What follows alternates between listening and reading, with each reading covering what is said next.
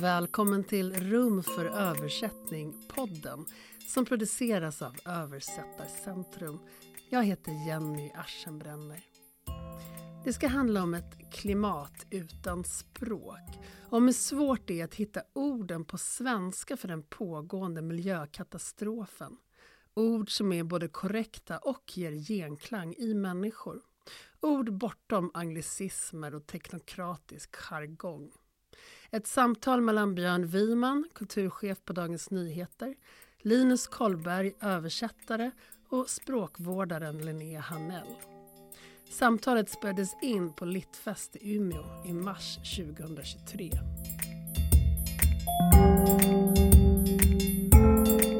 Tänkte börja med då själva den här utgångspunkten för samtalet. Finns det språk, skulle ni säga att finns det språkliga brister när det kommer till klimatet? En liten runda, vi börjar med Björn.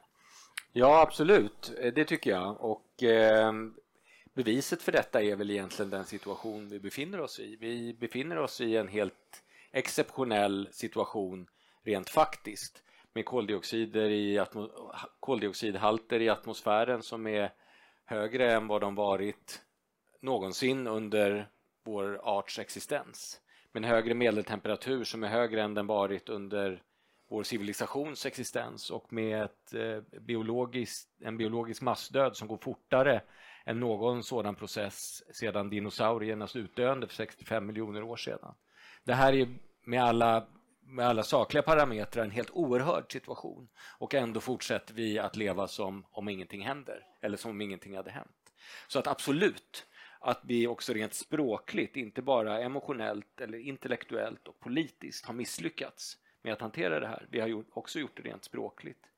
Eh, vi beskriver ju den här situationen med ett både så att säga vetenskapligt språk och med ett existentiellt språk som håller sig inom tidigare gängse ramar när vi faktiskt rent fysiskt befinner sig utanför de gängse ramar som vi som art och civilisation tidigare har känt. Och där finns en diskrepans. Och eh, jag tror att det finns många anledningar till det där. Men, men eh, ett av skälen är ju just att vi inte har lyckats hitta ett nytt språk för den här i, all, i ordets rätta bemärkelse oerhörda situation som vi befinner oss i.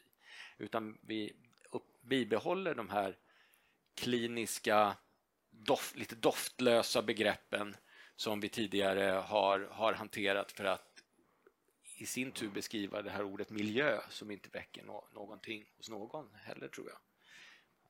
Den brittiske författaren och klimatdebattören George von Bayet har sagt lite skämsamt någon gång apropå detta att om Moses hade lockat eh, Israels folk eh, med, med begreppen att de skulle till ett land som var fyllt av insektssekret och så att säga bröstutsöndringar så är det nog svårt att tänka sig att han hade fått dem med sig. Mm. Vi kommer bara djupa i detta sen, men Linnea, vad säger du? Är, finns det språkliga brister i detta, på detta område? Vi har en situation där eh, vi vet eh, allt det som, som Björn precis listade. Det, eh, det står väldigt illa till på många sätt. Kunskapen verkar inte automatiskt leda till någon förändring. Så vi måste testa andra vägar. Språket kan vara en sån. Sen får man ju titta lite närmare på vad, hur språk skulle kunna påverka ett samhälle. Och det kan ju vara på lite olika sätt, men åtminstone så måste man ju titta på vad folk gör med språket. Man kan inte bara titta på språket i sig. Det tror jag. Mm. Okej, okay, vi bara vi djupare i det sen. Eh, Linus, vad säger du? Jag håller med om det verkligen. Att um, Det finns ju en, en, ehm, en växelverkan mellan språk och verklighet uh, hela tiden. Som, där vi å ena sidan så spelar det ju roll hur vi beskriver verkligheten som du säger. Om man ska få med sig folk ut i öknen så måste man liksom ha ett, ett lockande, intressant, levande språk.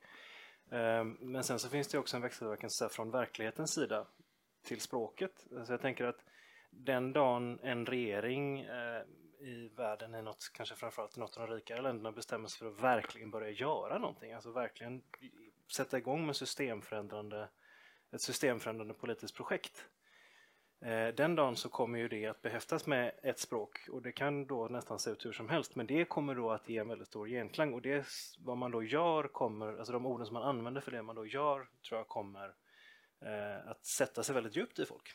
Så att, att det går åt båda hållen. Liksom, så om, om, om orden är laddade med verklig handling så kommer de genhämna genklang med automatik oavsett hur de är liksom, så att säga, konstruerade. Så tror jag att det är. Jag, jag håller på att läsa just nu eh, Viktor Klemperers dagböcker. Eh, Viktor Klemperer var en, en judisk eh, forskare i, som eh, levde i Tyskland på 30-talet och lyckades överleva. Och, ehm, eh, ja, han har skrivit en bok om språket i Tredje riket till exempel och då ger sådana intressanta exempel, alltså exempel där som att hur ordet jude liksom blir under 30-talets gång smutsigt och han vill inte ens använda det själv liksom, om någon för att det är så behäftat med negativa saker. Och det är liksom ett ganska bra exempel på hur tänker jag, verkligheten kan eh, dra med sig språket. Så att säga.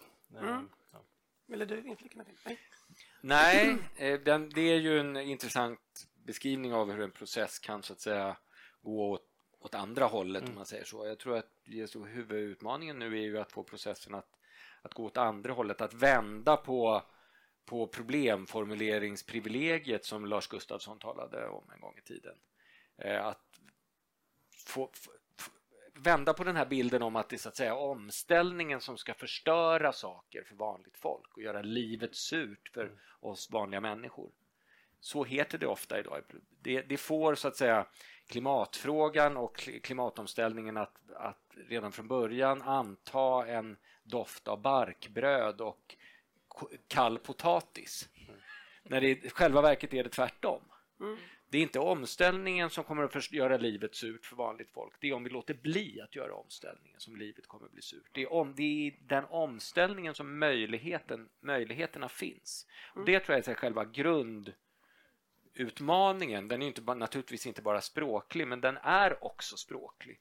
Därför att vi har misslyckats med att beskriva just den, den, den situationen. Men om vi håller oss fast lite grann i terminologin, eh, varifrån hämtas eh, termer som handlar om klimatet? Linnea?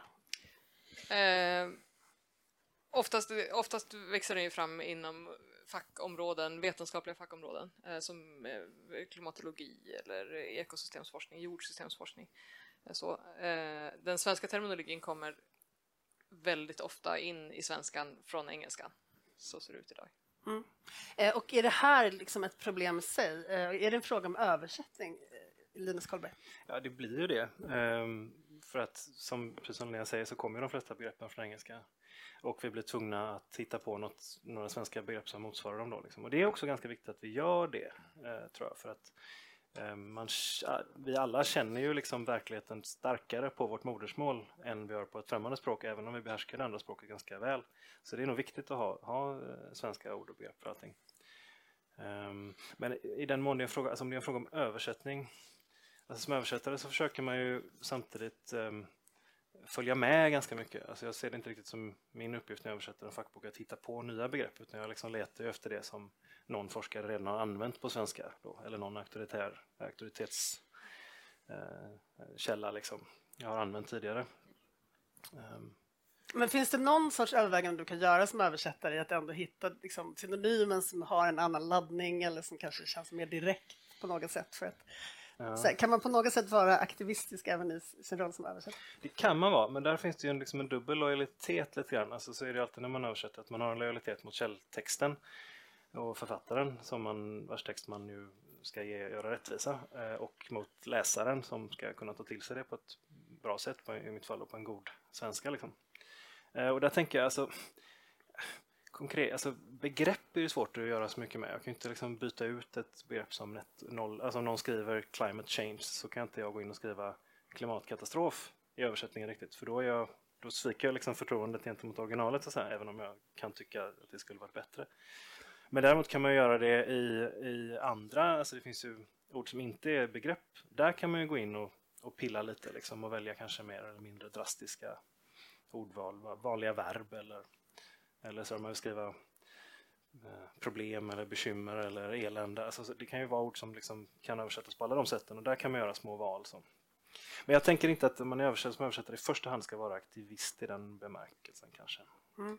Men vi, vi kan gå vidare med den aspekten sen, men jag tänkte vända mig till dig Björn Wiman. Du skriver ju i en väldigt stor tidning och når en väldigt bred publik och du skriver mycket om klimatfrågor.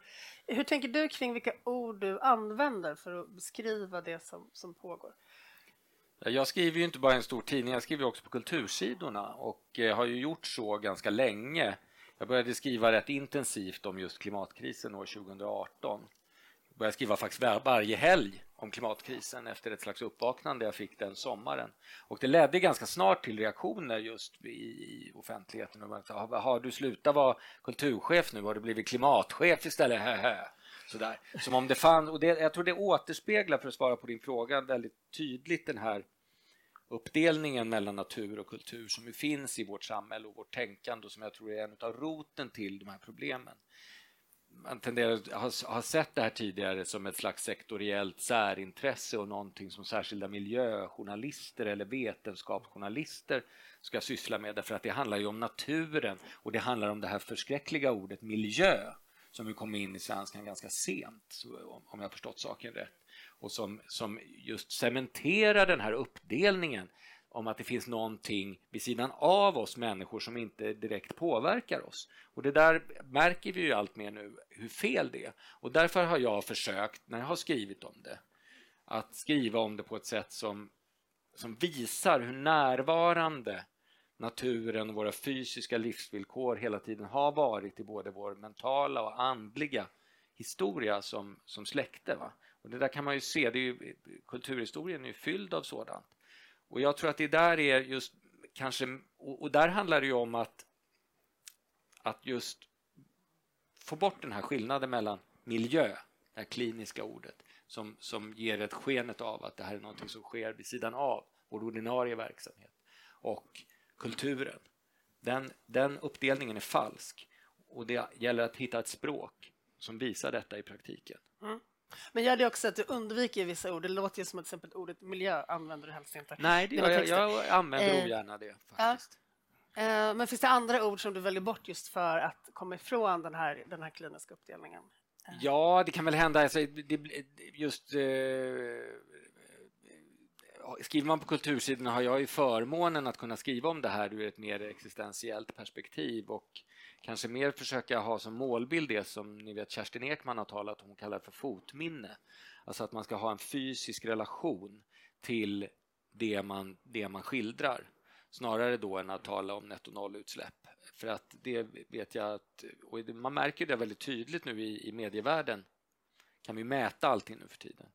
Och man märker ju att hittar man ett sätt att skriva om klimatfrågan som inte innehåller ordet klimat så lockar det väldigt mycket fler läsare än när ordet klimat finns i rubriken. Mm. Det där går lite i konjunkturen, men just för tillfället är det så. Mm. Linnea, du arbetar ju i en särskild grupp där man försöker få fram svenska termer för en klimatvokabulär eh, för att de ska liksom leda åt, åt rätt håll, om jag förstår det rätt. Varför behövs det? Eh, den här gruppen heter Hållbarhetstermgruppen. Ehm, så vi vi tar inte fram nya termer egentligen, utan det är snarare så att vi eh, utgår från... Ehm, vi reder ut termfrågor. Ehm, så det är en grupp som består av språkvetare men också sakkunniga från eh, olika universitetsämnen och media och intresseorganisationer och myndigheter och så. så att vi, vi kanske får en fråga som till exempel hur säger man livscykelanalys på svenska? Eller life cycle analysis på svenska. Och, och, då kan vi säga, det är inte så att vi sitter och, och, hittar på hur det ordet skulle kunna sägas på svenska utan då har vi olika typer av språk, språkliga databaser mm. som vi tittar i och ser att eh, ja, livscykelanalys är en etablerad term på svenska så det är lämpligt att använda. Eh, varför behövs det här då? Ja, grundandet av hållbarhetsgruppen eh, har att göra med en insikt, just den här insikten som vi sa tidigare, att det verkar inte räcka att eh, kunskapen är ganska hög idag, både bland politiker och forskare, om den situation vi befinner oss i. Det verkar inte leda till någon förändring. Eh, och en analys av det kan, som vi har gjort är att det, det verkar som att det behövs fler som deltar i det här samtalet. Dels som eh, att situationen måste vända men också en, ett samtal om eh, hur samhället borde se ut istället. Och för att man ska kunna delta i sådana samtal som privatperson eh, så måste man ha tillgång till det språket. Man måste kunna förstå vad en forskare som blir intervjuad i DN till exempel menar när den säger ehm, eh, klimatmanipulering eller någonting. Eh, vad betyder det? Och, och, man måste faktiskt själv kunna känna att jag har rätt att använda de här orden. För att jag, man, man, måste kunna diskutera vid middagsbordet. Hur skulle det egentligen vara om vi, om vi går vidare med idéer om klimatmanipulering och till exempel eh, sprutar ut gaser i atmosfären för att blockera solinstrålning. Det är någonting som angår oss alla. Det, det funkar inte att vara experter ska prata om sådana saker utan det, det är en fråga för allmänheten att prata om. Det är därför vi har den termgruppen. Mm, men finns det då också, tänker jag, då en, en tillgänglighetsaspekt eh, av ert arbete? Att de här orden inte bara ska vara korrekt översatta utan också möjliga att förstå vid ett middagsbord? Så att säga. Ja, det är själva existensberättigandet i det här fallet. Ja. Termgrupper arbetar ju annars ganska ofta bara med fackpersoner. Alltså, vi har en annan termgrupp som heter optiktermgruppen som är liksom termer för optiker, olika linser och alltså, så. Så jobbar termgrupper ofta, men i det här fallet så finns det ett annat behov. Mm. Eh, men om man går till dig då Lina sist i översättararbetet, eh, tycker du att det finns liksom bra eh, etablerade, säger att du ska ändå söka de etablerade orden när du översätter de här frågorna. Finns det bra, tillräckligt bra etablerade svenska termer för de här miljö, lite knöliga, ibland komplexa processerna i miljö? Eller inte miljö, förlåt, klimatkatastrofen. ja. eh, nej, det jag inte säga. Eller så här, det finns ju en massa begrepp eh, men de är kanske inte så etablerade.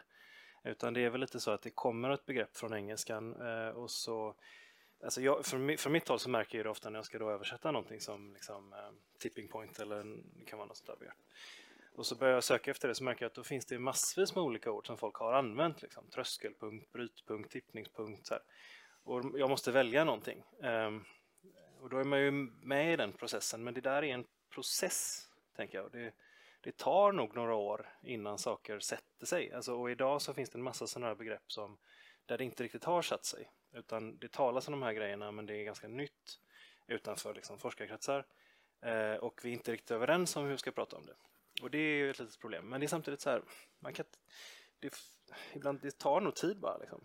Det kommer ta, om tio år så kanske det är självklart vilket ord man använder. Ja. Eh, men det, man kan inte, ingen kan tvinga fram den processen riktigt. Ingen kan bestämma att nu ska alla säga så här om ett visst begrepp. Liksom, utan mm. det får liksom växa fram tror jag stadda i, i förhandling och föremål för påtryckningar. Vi har ju nu en debatt till exempel om ordet naturgas som vi har använt i svenska språket länge. Och det här är ju någonting som man nu försöker förändra för att få det att, att, att få en mer korrekt term, nämligen fossilgas som ju förklarar mycket tydligare vad det handlar om, nämligen ett fossilt bränsle som orsakar växthusgasutsläpp i atmosfären och följaktligen är skadligt för vår civilisation.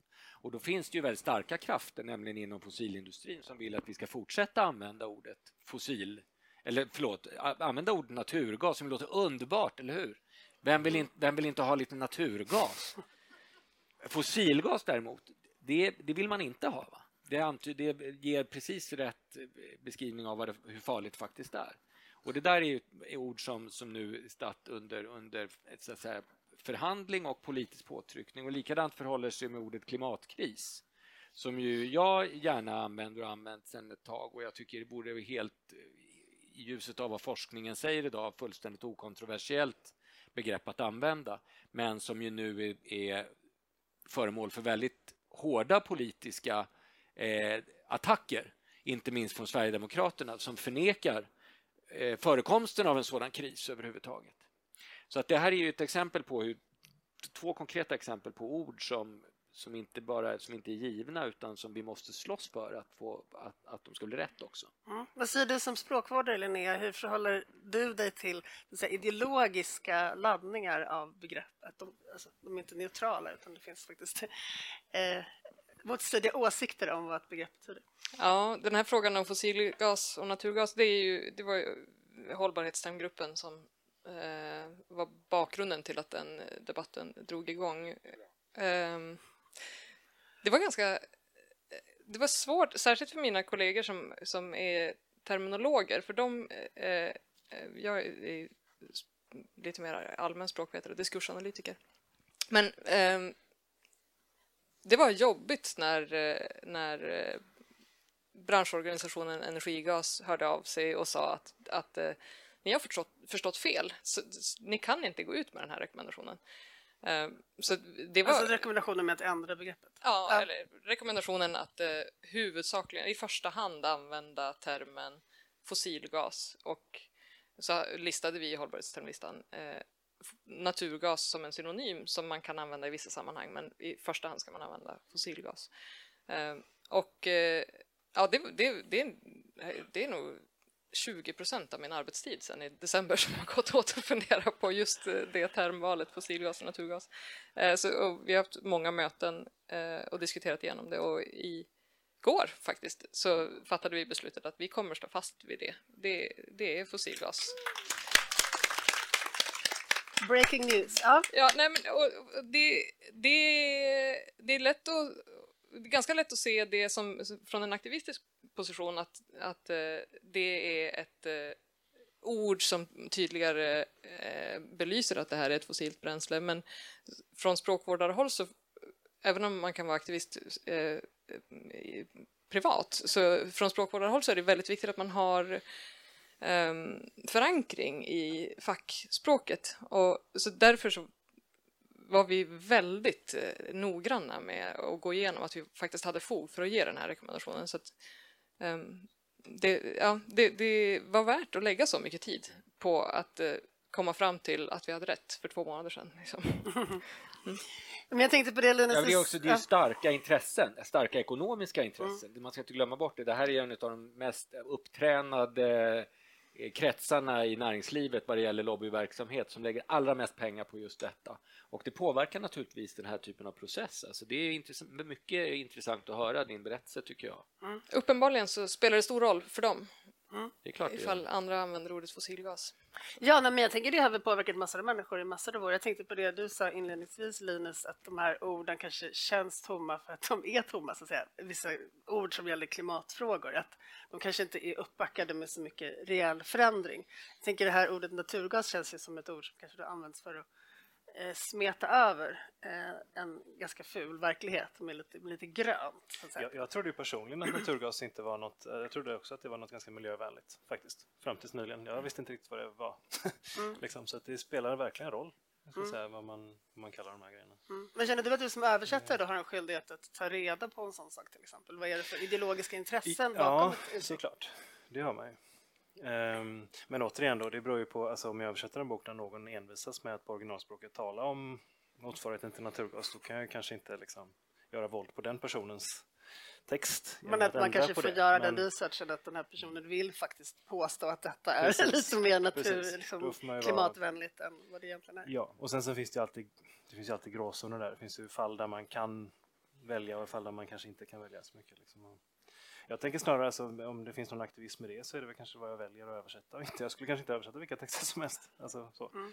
Eh, jag skulle kanske inte göra en lobbytext åt liksom, fossilindustrin. Så. Det kan jag ju välja att låta bli att göra. Va? Mm. Eh, jag tänkte bara, om vi tar några till eh, exempel, så har vi varit inne här på nettoutsläpp. Eh, är det ett bra ord, tycker ni? ja. Nej, alltså rent för, i, i, i förmågan att, eh, med, att eh, förmedla känslomässiga konnotationer som manar människor till andligt uppvaknande och eh, inger hopp så är det ett ganska, ganska dåligt ord får man säga. Mm. Det, men det har blivit ett väldigt vanligt ord. Ja, men det är ett nödvändigt ord, precis som du säger. Där får man väl inse att man har ju också olika funktioner i, i, i språkanvändningen. Va?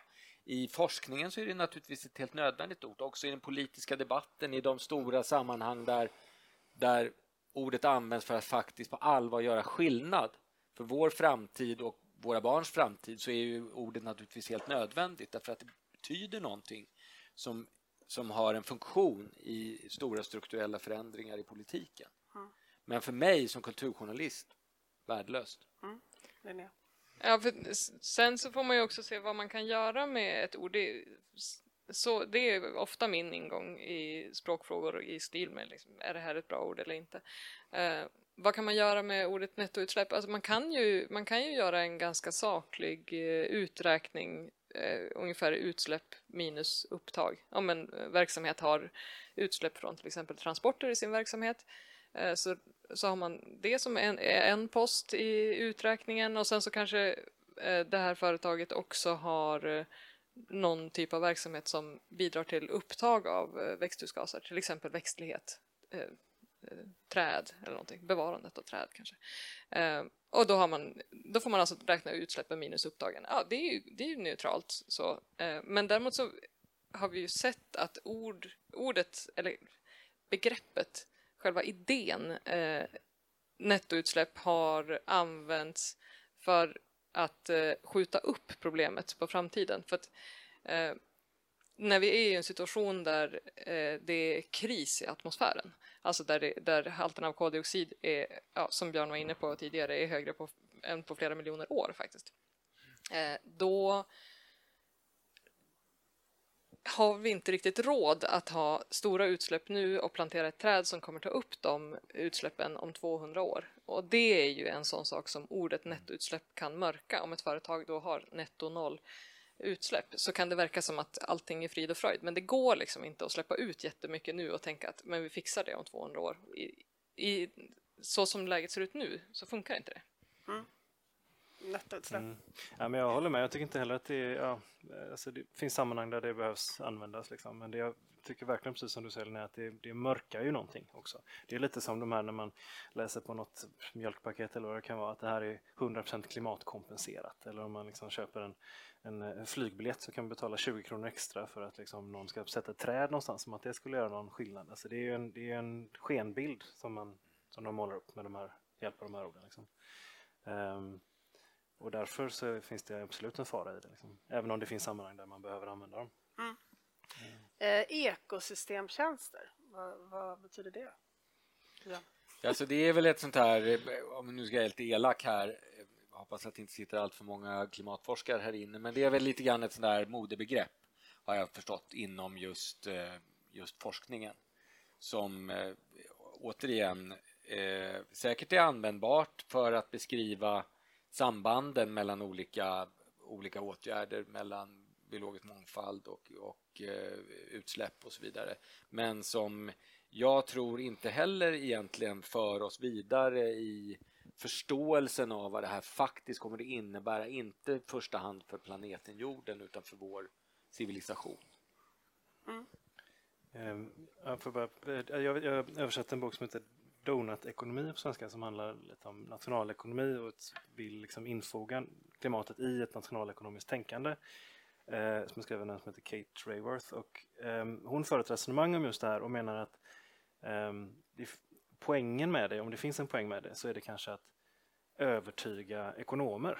Alltså att eh, folk som har gått på en handelshögskola och blivit indoktrinerade där, om man får säga så, eh, kanske behöver liksom få höra talas om detta som en tjänst för att förstå vad det är och för att förstå, aha, det här är någonting som vi kan ha nytta av, det är någonting som vi kan ta med i våra beräkningar, det här är någonting som spelar roll, för tjänster är något som spelar roll. Så. Eh, sen kan man tycka, och då, då kanske det finns en poäng, möjligen resonerar hon i att använda sådana begrepp, men å andra sidan ska jag också tycka att det, det kanske inte är riktigt, det kanske också är ett slags mörkande, för att jag menar, världen omkring oss är inte en tjänst som vi kan välja att köpa eller inte köpa, liksom, utan den finns där och vi behöver den för att kunna leva. Liksom. Det är inte, ja, så det är dubbelt. Mm. Men, mm. Jag visste ju att du skulle prata om det här, så att, eh, att, du skulle ställa den, den, frågan. För det är en av de termer som vi har definierat i hållbarhetslistan. Så jag skrev upp den definition som vi har där som är process som genereras av ett ekosystem och som bidrar till människans välfärd och livskvalitet. Eh, det, ja, det, på ett sätt är det ju ett, eh, ett en term som eh, hjälper oss att få upp ögonen för hur beroende vi är av naturen. Pollinering är ett exempel på en ekosystemtjänst. Alltså vi, mycket av det vi äter skulle inte finnas ifall det inte fanns insekter som pollinerade dem åt oss. Eller eh, det finns klimatdystopier som föreställer sig en framtid där man måste handpollinera. Det blir ett otroligt eh, omständligt arbete där människor får gå och liksom skvätta. Har man inte börjat med det redan? Ja, det, det finns väl sådana små också kanske projekt. Men eh, det är väldigt praktiskt att ha pollinerande insekter. Eh, jättebra att ha kvar. Eh, så, så, man kan ju se det som en ekosystemstjänst eh, eller någonting som vi är beroende av. Ett alternativ som har eh, framförts är eh, naturnytta istället för ekosystemtjänst. Man ska tala om naturnytta eller Nature's Contribution to People, NCPR talar man om Alltså för att man, det, det finns också en risk att eh, man tänker att eh, med, med ett ord som ekosystemtjänst så tänker man att naturen finns till för att tillgodose våra önskemål och vad vi är sugna på idag. Liksom. Medan det, man kanske snarare ska se det som att vi är en del av naturen och vi behöver samspela med andra levande organismer. Men jag tänker Jag att tror man ska läsa Maja Lundes roman Binas historia då istället för att tala om ekosystemtjänster. Precis. Ja. Där, där gestaltas just detta i praktiken som du berättar om. Men jag tänker ett sånt ord eh, kan, man ju, eh, då, kan ju då kanske vara begripligt för någon som är väldigt ekonomiskt inriktad men den, det kan ju både kanske befästa att ja, men vi lever i det här samhället där allting är ekonomi, allting är varor och tjänster och så måste då även bina vara. Eh, och det kanske, är, är det- liksom så nödvändigt eh, eller är det liksom som att man förstärker eh, st- status quo i hur man ser på hur människan måste förhålla sig till klimatet? Vad jag tänker?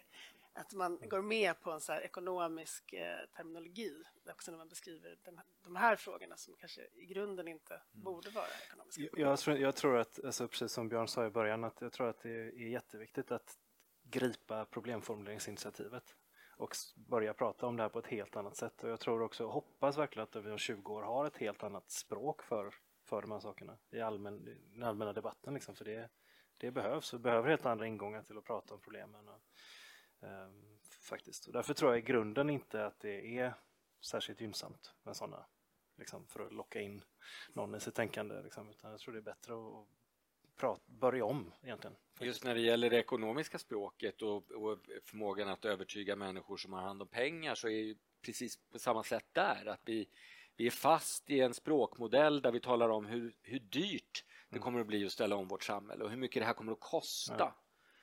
När vi istället borde prata om hur otroligt mycket dyrare det kommer att bli och hur otroligt mycket mer det kommer att kosta om vi inte gör någonting idag. Och likadant där, det är själva, det är själva grundpremissen här både den politiska och den språkliga som är fel. Mm. I då ett sånt där terminologiarbete som du är inblandad i, eh, kan man känna sig ska säga, bakbunden av att vårt samhälle redan är byggt, när man pratar om samhällsfrågor, så mycket byggt kring kanske då eh, ekonomisk terminologi till exempel. Att det är de, uttrycken byggs så därför att det är så vi är vana vid att prata om de problem vi står inför. Ja, det, alltså, som språkvårdare kan man ju inte lösa alla problem som är kopplade till klimat och miljö. Så, kan man säga. Nej, jag tänker mer så här, om man ska hitta till exempel den bästa engelska motsvarigheten till ett, Ja. ett viktigt uttryck så är det liksom ändå så att komponenterna eh, handlar, ja, men det handlar om tjänster eller liksom de här orden som används Ja. som, som liksom för tankarna väldigt mycket till liksom, en, ja, en marknad. Liksom.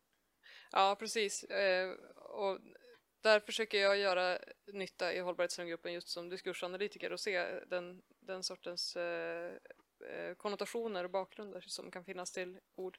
Eh, men men eh, därför är det ju framförallt viktigt att eh, det finns författare, journalister och andra språkbrukare som ser till att uppdatera vokabulären. För det gör ju inte vi som arbetar med terminologi.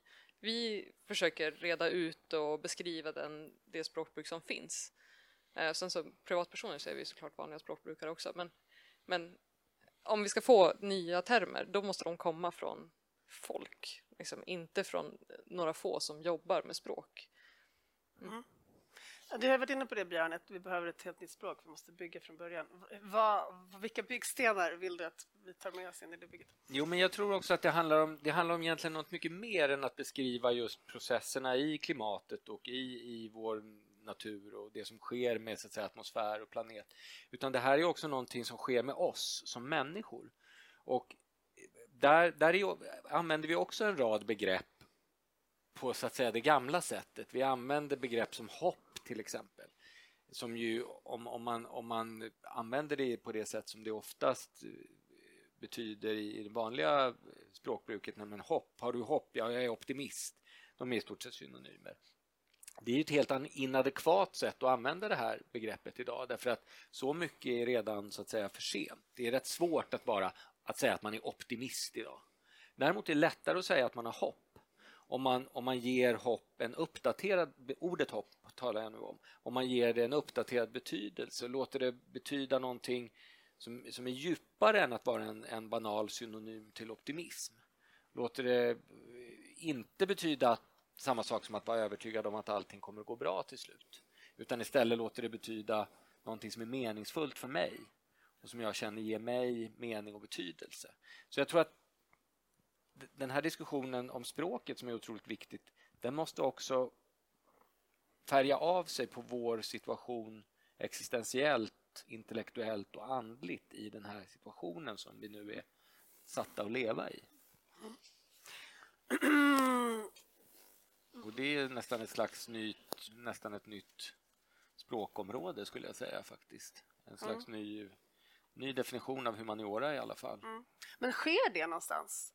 Eh, skulle säga. Ja, det gör det ju. Det har ju skett hela tiden. Det är det som är poängen. Det har skett i kultur och litteraturhistorien har det skett hela tiden. Mm. Där har konstnärer och författare alltid hållit på med detta och varit medvetna om att det finns ett slut för vår existens. Det, det, finns ju redan i, i berättelsen om syndafloden och, och framåt så att säga. Det finns i Peter Brygels målningar av när snö börjar falla över Nederländerna i slutet av 1500-talet. John Steinbecks roman Vredens druvor om, om eh, de här eh, dust storms i USA under depressionen på 30-talet som tvingar människor att fly. Alltså den, de här berättelserna finns överallt omkring oss om vi bara får en skärvan i ögat så att vi hittar dem. Mm, och då menar du att orden kan laddas med ny innebörd ja, genom att vi ser med hjälp av vår fantasi. Därför att när klimat, det är ju någon som har sagt, Amitav Ghosh, en, en, en eh, författare och forskare, sagt att klimatkrisen är, är i lika hög utsträckning en kris för vår fantasi. Den är en mm. kris för vad vi klarar av att föreställa oss. Det här är också språkliga frågor. Eh, vi har lättare, som någon annan, Fredrik Jameson, en amerikansk litteraturmarxistisk litteraturteoretiker, vi säger att vi har lättare att föreställa oss slutet för jorden än slutet för kapitalismen. Det är väldigt sant, tror jag mm. faktiskt. Men apropå det och apropå om vi återknyter till översättning och det här att väldigt mycket av terminologin kommer från engelskan och så försöker man hitta då korrekta begrepp som är motsvarande på en så global nivå nästan, att liksom vi ska alla kunna prata om netto ett släpp till exempel. Eh, finns det något problem med det just i relation till att engagera människor på djupet? Skulle man istället titta efter liksom, kanske specifikt kulturella uttryck? Jag tänker på vår svenska skogsdyrkan. Vi har ju traditionellt en väldigt stark relation till naturen här. Skulle man kunna hitta liksom, uttryck i det lokala som är, mycket, som är närmare människorna? Som skulle vara bättre? Mm. Jag tror att båda sakerna behövs egentligen. Alltså, om man tänker å ena sidan alltså när man har liksom FNs klimattoppmöten då är det klart att då är det viktigt att man har ett begrepp och att man är överens om att det är samma begrepp på alla olika språk och att man är, liksom har listor på det här menar man med detta och detta menar man med det här och så. Eh, det är liksom en nivå och en annan nivå är att få människor att börja tänka och som du säger att det är en kris för vår fantasi och där kanske man behöver ett helt annat språk och där blir det kanske viktigare vad, vad romanförfattare hittar på än vad forskare hittar på kan jag tänka mig. Mm. Men går det att inspireras av det då ähm, poet eller romanförfattare eller konstnärer hittar på in i en faktisk samhällsdebatt kring eh, klimatfrågan språkligt? Det tror jag och jag tror att det är bara så eh, det spelar någon roll vad författare och journalister skriver.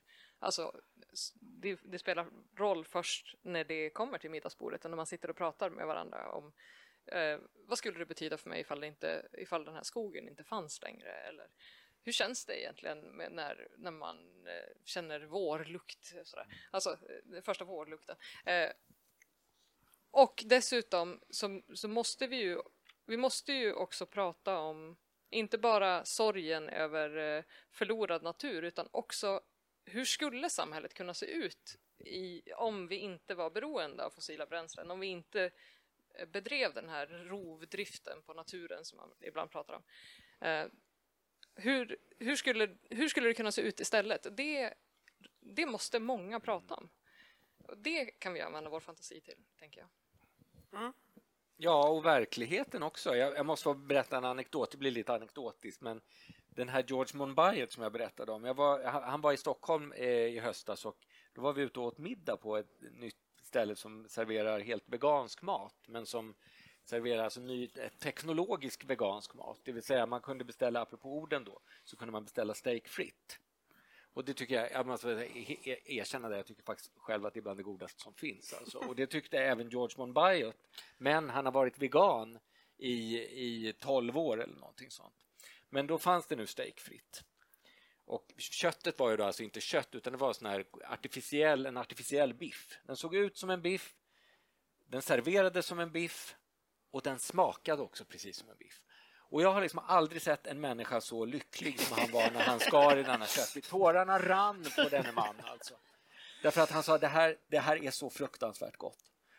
Och det var, det, jag tror att det här är just den, här, den typen av konnotation som, som jag tror som illustrerar lite grann av vad vi, det ni pratar om, vad vi kan lyckas med. Mm. När vi kan visa att, att det finns något väldigt attraktivt också i det nya, i det vi går mot, i det vi måste uppnå. Eh, det här handlade ju om att återskapa minnet av, av något gammalt, så det var ju liksom vackert på det sättet också. Men det finns vissa värden i våra liv som vi, som, som vi är på goda grunder förtjusta i och som vi är rädda att förlora. Och den här eh, diskussionen handlar väldigt mycket om att se till att det är ingen som vill ta dem ifrån oss. Det handlar om att vi ska få behålla dem. Mm. Och ju mindre vi släpper ut och ju mindre vi förstör vår, vår natur, desto mer av det som vi älskar kommer vi att få behålla. Mm. Men det här att, att skapa ett nytt språk, jag tänker att det finns väl ett dubbelt problem i att de här klimatdebatten domineras av ett språk som är ganska svårgenomträngligt för eh, vanliga människor. Jag vet till exempel att jag har fastnat för det här med reduktionsplikten. Det spelar ingen roll hur många gånger jag hör det. Jag tänker så här varje gång, oj, det är dåligt. Eh, fast, ja, det låter ju dåligt. Eh, att det är väldigt svår, ord som är svårt att intuitivt relatera till. Eh, jag tänker att det å ena sidan kommer från politiker som kanske just vill göra det här som du pratar om Linus, så här, dölja någonting genom att använda ett språk som är så pass snårigt så att man inte riktigt fattar vad det handlar om och därför heller inte reagerar riktigt på vad de gör eller inte gör. Naturgas, ja det låter väl bra till exempel. Eller, eh, å andra sidan kanske av väldigt engagerade människor som har otroligt stor kunskap och som tar sin terminologi då från engelskan och kanske så här, för, för dem kanske de här orden är väldigt liksom, laddade och betydelsefulla medan alltså för vanliga tidningsläsare eller radiolyssnare så är de ganska abstrakta. Eh, så jag tänker den här liksom, visionen av att skapa det här nya språket som faktiskt skulle kunna engagera även vid köksborden. Eh, hur ska det gå till, eh, tänker ni? Nej, men den här reduktionsplikten, alltså jag har inte heller riktigt, men, men det är väl liksom en plikt att reducera andelen bensin eller olja mm. i bensinen är det väl som det handlar om, ja. om jag förstår rätt. Eh, och där, där kan jag ju tycka så här, ja, eller så har vi en plikt att reducera andelen bensin som vi använder överhuvudtaget. Alltså man kanske skulle börja en annan ända istället och säga så här, ja men vi, nu, har vi, nu bestämmer vi oss för att vi har en, eh, ja, en koldioxidbudget bara. Så här mycket får vi släppa ut och allt över det får vi inte göra längre. Och så får vi ransonera dem, den liksom mängd energi eller ja, fossil energi då, som vi har mm. tillgång till. Eh, om man börjar i den ändan istället och faktiskt, återigen då, om man faktiskt gör någonting.